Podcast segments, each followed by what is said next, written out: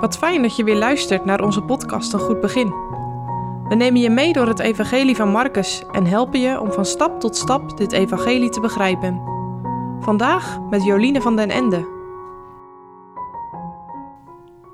Vandaag lezen we Marcus 15, vers 1 tot 15.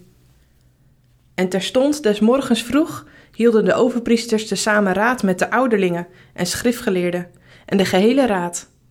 En Jezus gebonden hebbende, brachten zij hem heen en gaven hem aan Pilatus over. En Pilatus vraagde hem: Zijt gij de koning der Joden? En hij antwoordende zeide tot hem: Gij zegt het. En de overpriesters beschuldigden hem van vele zaken, maar hij antwoordde niets. En Pilatus vraagde hem wederom, zeggende: Antwoord gij niets? Zie hoeveel zaken zij tegen u getuigen. En Jezus heeft niets meer geantwoord, zodat Pilatus zich verwonderde. En op het feest liet hij hun één gevangene los, wien zij ook begeerden. En er was een genaamd Barabbas, gevangenen met andere mederoproermakers die in het oproer een doodslag gedaan hadden. En de schare riep uit en begon te begeren dat hij deed gelijk hij hun altijd gedaan had. En Pilatus antwoordde hun zeggende: Wilt gij dat ik u den koning der Joden loslaat? Want hij wist dat hem de overpriesters door nijd overgeleverd hadden. Maar de overpriesters bewogen de scharen dat hij hun liever Barabbas zou loslaten.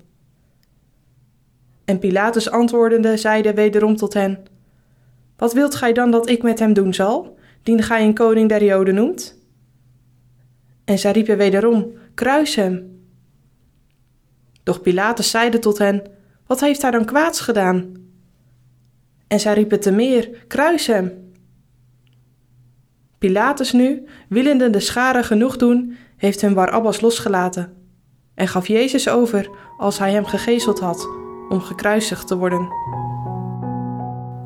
Hoe kwaad kun je worden als je merkt dat je er achter je rug om een vies spelletje gespeeld wordt? Wat moet je er tegen doen? Je voelt je enorm boos, maar ook heel erg machteloos. Het is niet eerlijk en toch gebeurt het. Welkom in de wereld van mensen. En precies die wereld van mensen heeft nu de kans om via allerlei politieke spelletjes Jezus van Nazareth aan te pakken. Het is één groot complot tegen Jezus. Hij laat zich raden wie hierachter zit. Dit is toch typisch de handtekening van Gods tegenstander, de duivel, was hij het niet die al in het paradijs tegen de vrouw zei: Is het ook dat God gezegd heeft? Of deze mensen weten dat ze bezig zijn om Gods zoon om het leven te brengen? Nee, waarschijnlijk niet. Maar de duivel weet het maar al te goed. Hij is de vader van de leugen. Neem nu Pilatus. Hij denkt dat hij er buiten kan blijven.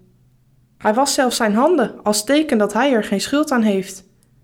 Maar als je goed leest, roept zijn optreden toch heel wat vragen op. Hij draait. Hij is niet eerlijk. Hij kiest voor zijn eigen positie. Hoe kun je nu als rechter met droge ogen beweren dat je onschuldig bent als je uiteindelijk Jezus overgeeft tot de kruisdood, zonder dat er vaststaand bewijs is? Weet je wat het bewijs is van Jezus' schuld? Alles wat deze mensen doen. Want vergis je niet, hier, in dit proces, komt alles naar buiten wat in onze harten zit. Koste wat het kost, moet deze onschuldige zoon van God gedood worden. Dat is onze oerzonde. We dulden God niet. En juist om deze oerzonde moet Jezus sterven. Want hij staat daar als plaatsvervanger. Niet hij moet ter dood veroordeeld worden, maar alle mensen die hem willen doden. Die plaatsvervanging wordt nog duidelijker als je inzoomt op Barabbas. Die man is een regelrechte moordenaar. Maar hij komt vrij. En Jezus, die nog nooit zonde gedaan heeft, moet sterven. Weet je wat de naam Barabbas betekent? Zoon van een mens. De zoon des mensen, de zoon van God, moet sterven. En de zoon van een mens krijgt de vrijheid. Wat een geschiedenis is dit toch?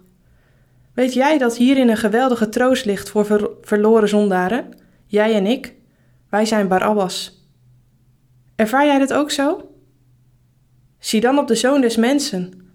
God, zegt Paulus, heeft hem tot zonde gemaakt, opdat wij zouden worden rechtvaardigheid voor God in hem. Luther spreekt over een vrolijke rel. Christus mijn zonde en ik zijn rechtvaardigheid. Is dat ook de diepe vreugde van jouw leven?